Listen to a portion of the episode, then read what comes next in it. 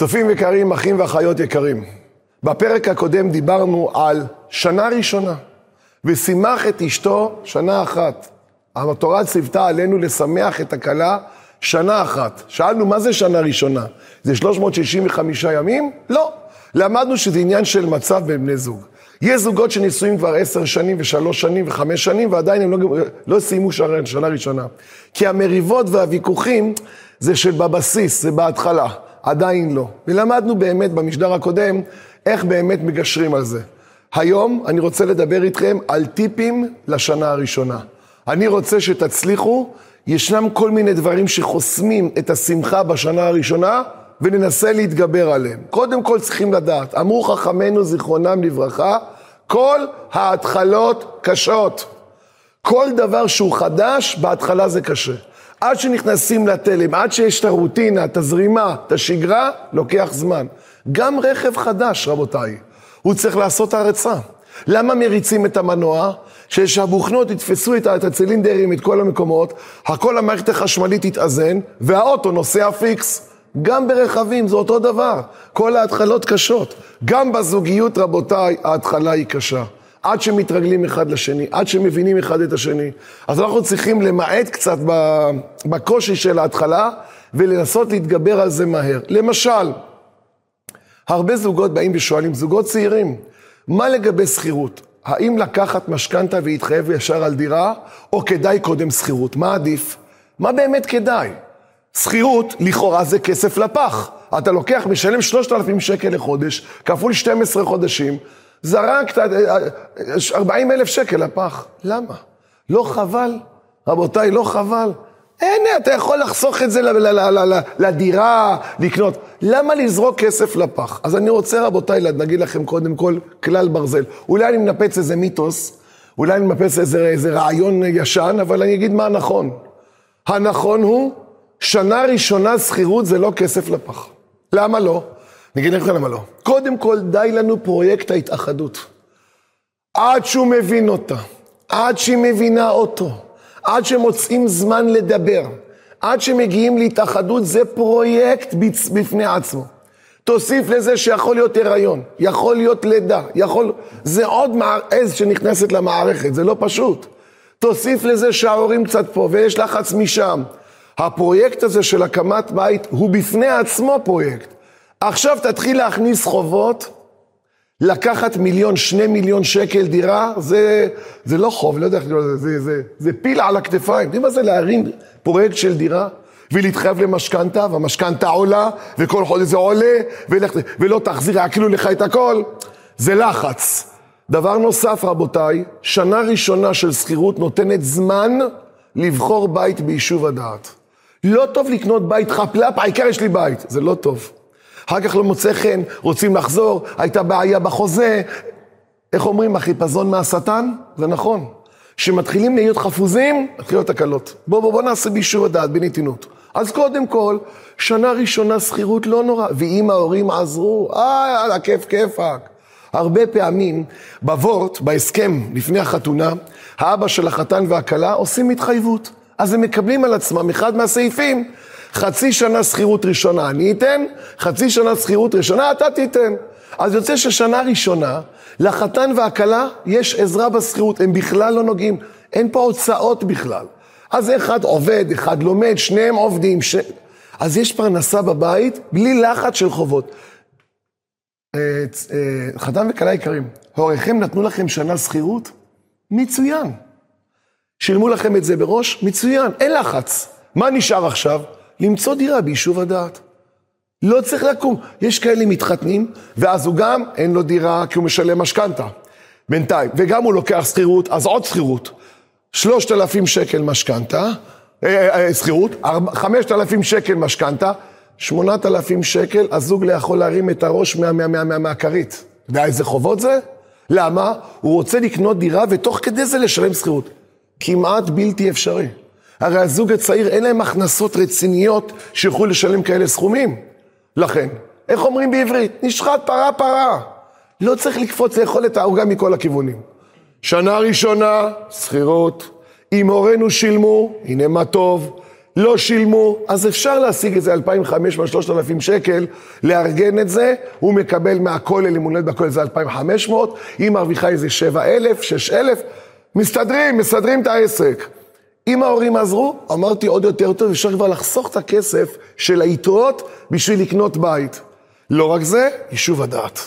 קונים דירה ביישוב הדעת, יושבים ולומדים איך זה בית רוצים, איזה שכונה רוצים, איזה אופי של אנשים רוצים, אנחנו רוצים לגור ביניהם. לדעת את זה, ואין כמו יישוב הדעת, בייחוד בדירה. דירה זה לא נעליים, דירה זה אחת ולתמיד כמעט, כמעט זה לכל החיים. לכן, טוב שנה ראשונה להיות בשכירות. אני ממליץ על זה, וזה לא כסף לפח. כמובן, אם עוברים שנה רביעית, שביעית וכל הזמן זכירויות, זה יוצא מאות אלפי שקלים. אני מסכים. אבל בשנה ראשונה, בואו נעבור את הגל הזה שנקרא משכנתה או שכירות, אופציה הנכונה היא שכירות. לכן, לא לקחת משכנתה ושכירות בו זמנית. אבל מה? קורה משהו מאוד מפתה. ונתקלתי בזה המון פעמים. ההורים, יש להם וילה ויש להם בסמנט. ההורים אומרים לזוג היקר, תשמעו, יש פתרון בשבילכם. למה תשלמו משכנתה ושכירות? אולי את המשכנתה כבר אתם תשלמו, נקנה לכם דירה, ניתן לכם, תשלמו את המשכנתה, שכירות אין לכם, תגורו אצלנו ב basement. מה אתם אומרים על זה? איזה יופי זה. חתן, כלה, באים, יש basement שבדרך כלל משכירים אותו לאנשים זרים, הם יגורו ב basement. ואז, שנה ראשונה, שנתיים, עד שמקבלים את המפתח של הדירה מהקבלן, בינתיים אין הוצאות, אין ארנונה, הם משלמים עלינו גז, מים, חשמל, ההורים מזרימים אוכל לבייסמנט, הבנת? יש אוכל, נגמר משהו, לא הולכים למכולת, לוקחים מהמקרר של אימא. זה טוב, נכון? על פניו, רבותיי, זה דבר נפלא, אבל אם ניכנס יותר לעומק, זה לא טוב. למה? שנה ראשונה הזוג צריך פרטיות. לא לגור אצל ההורים בשנה ראשונה, בשום פנים ואופן. לא טוב, אני אומר לכם מניסיון. נכון שזה פתרון כלכלי מצוין, אבל מה אני משלם עבור הפתרון הזה? נכון, אני חוסך שכירות, נכון, חוסכים שכירות, יותר קל אולי לשלם את המשכנתה, אבל אתם יודעים מה אנחנו מפסידים? את הזוגיות שלנו. חתן וכלה יקרים, אני מודיע לכם, אי אפשר להיות בפרטיות כשאבא ואמא גרים למעלה, שלך או שלה, זה לא משנה. הם שומעים הכל, ושנה ראשונה יישמע שנה של מרנו קטטות. לפעמים צעקות, הרמת טונים, אמא שלו עם האוזן בחלון. אוי, אוי, אוי, איזה קלפטה, תראה מה היא אומרת לו. בשביל מה צריכים את זה? או הפוך, אמא שלה, החתן הזה אכזר. אתם חושבים שלא שומעים? זה עובר את הבלטות. הם מקשיבים. לפעמים קמים מאוחר, אז ההורים שמים לב שהזוג הזה יושן יותר מדי. אה, אתה יודע, החתן עצלן, לא קם לפני עשר. מה אתה אומר על זה? בשביל מה הם צריכים לדעת את המידע הזה? מתי החתן קם? הוא לא רוצה לקום. מה, מה אכפת לכם? אלא מה, כשגרים בתוך הבית שלהם, אפילו שזה בייסן, אפילו כניסה נפרדת, כל התנאים, עדיין העסק עולה. לפעמים כלה רוצה לשחרר לחץ. בא לה לצעוק, מותר, מותר לצעוק, אין, לא נגד צעקות, שחרר קיטור. היא באה לצעוק, אל תצעקי. רוצה לצעוק, אתה יכול לצעוק. זה הבית של ההורים שלי, את לא יכולה לצעוק פה. שיהיה הבית שלך, תצעקי. אומרת לי הרב, אני רוצה לצעוק. אני בא לי להגיד כמה מילים בקול רם. הוא בולם אותי. נכון, זה לא חיים.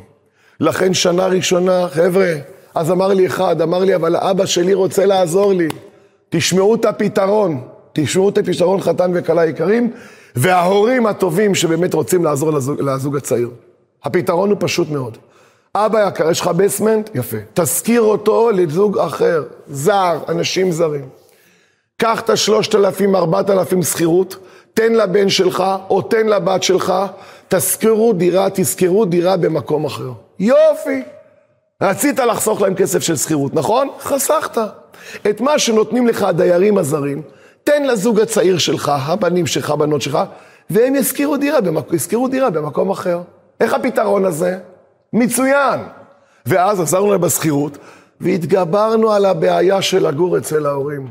תדעו לכם, אין זוגיות שגרים אצל ההורים, נקודה. הם יודעים, הם מרגישים, ואז הם חודרים לפרט, ואז יש דיבורים מאחורי הגב, וריחולים, בשביל מה צריכים את זה? שנה ראשונה היא שנה של התאחדות.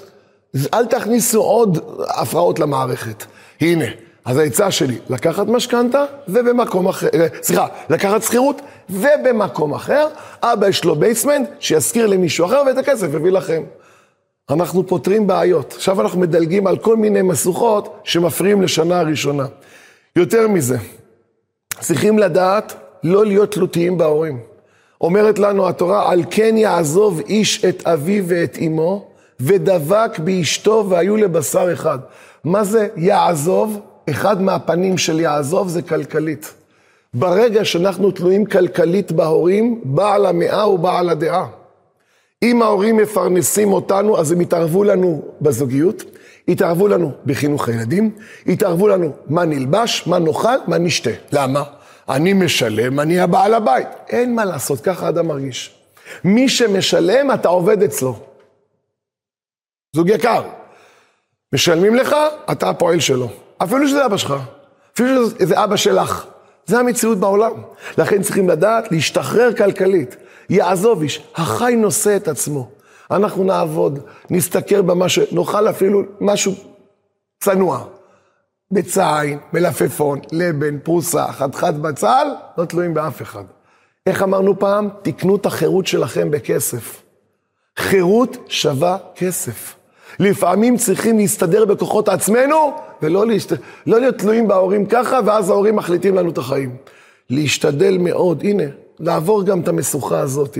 כמה שיותר מהר תעש, אל תהיו כל הזמן, תגידי לאבא שלך שישלם זה, תגידי לאמא שלך, תגידי לסבתא שלך, ואז ממילא אנחנו כל הזמן תחת הסינור של ההורים, ולא מבינים למה אנחנו מסתדרים. יעזוב איש את אביו ואימו ודבק באשתו. יעזוב ודבק. לא יעזוב, לא דבק. המשוואה כל כך פשוטה. אז תשתדלו יותר את הנושא הכלכלי, לקחת בכוחות עצמכם עד כמה שאתם יכולים. עד כמה שאפשר. ולמה? כי ההורים כן אכפת להם. אז לשים לב, רבותיי, לנקודה הזאת הכלכלית, זה מאוד חשוב לשנה ראשונה. עוד דבר, אני רוצה לתת לכם, מאוד חשוב בשנה ראשונה, דרך אגב, חוץ מזה, את הפירוט בנושא הזה כתבתי בספר ביחד חלק ב'. לפני מספר שנים הוצאתי את הספר ביחד חלק ב', יש פה פרק שלם שנקרא שנה ראשונה. פרק שלם שנקרא שנה ראשונה.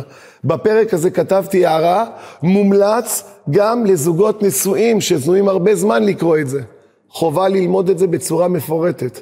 ביחד חלק ב' עוסק בתקשורת זוגית, התערבות הורים בחיי הזוג, נקודה שנגענו בה כעת, ציפיות ואכזבות, שזה קורה הרבה בשנה ראשונה ובשנים מתקודמות, וגם הנושא שנקרא שנה ראשונה. אני רוצה שתקראו את זה, זה נמצא בכל חנויות ספרי הקודש בארץ, לקחת, ללמוד ולשנן. מי שלא יכול להגיע לחנות, אני אתן לכם טלפון, 025 370 271 025 370 271 בטלפון, בשליח ישלחו לכם את הספר. שליח יבוא עד הבית עם הספר, גם ביחד א' וגם ביחד ב'. כדאי לעשות חברותא, ואני ממליץ לזוגות הצעירים וגם למבוגרים. חצי שעה בשבת לקרוא בספר ביחד א' וביחד ב'. יוצקים את יסודות הבית. ותבינו רבותיי, בית שלא, מכונית, שלא משמנים אותה מדי פעם היא נעצרת. זוגיות שלא משומנת מדי פעם היא נתקעת, נהיה חלודה. חייבים לשדרג, חייבים לרענן את המערכת, חייבים למצוא תובנות חדשות, רעיונות חדשים. יש דברים ששכחנו, אתה נזכר בזה מההתחלה, אתה מרענן את המערכת. וכשצריכים לדבר כל יום שעה בנחת, אפשר לקרוא בספר. אחד אמר לי, מה אני אדבר איתה שעה? מה אני אדבר איתו שעה? מה לדבר? לשבת, לקרוא, ללמוד, לשנן, ואז ממילא נהיה אינטראקציה. הזוג לומד, ובייחוד שלומדים את שנה ראשונה, ובייחוד שלומדים את הנושא שנקרא ביקורת ומריבות. איך אומרים מערה בונה, ואיך מתקוטטים. איך אמרנו? שנה ראשונה יש קטטות. יש המון הערות, גם במשך החיים. שנה ראשונה יש פיצוצים. איך מורידים את ההוראה יפה, איך אומרים ביקורת שתתקבל, ביקורת בונה, לא ביקורת הרסנית. אחר כך מגיעים לשלב של המריבה, איך לצאת משם בשלום, בלי שריטות. אז זה הטיפים, ללמוד ולשנן. נסכם, דיברנו על בעיות כלכליות, איך מתגברים עליהן, ובעזרת השם, בפרק הבא נדבר על ארוחות משותפות וטיולים בין בני הזוג. שנה ראשונה יש קצת יותר זמן משנים אחרות, להשתדל לאכול ביחד, וגם טיולים משותפים. את זה נשמע מיד בפרק הבא.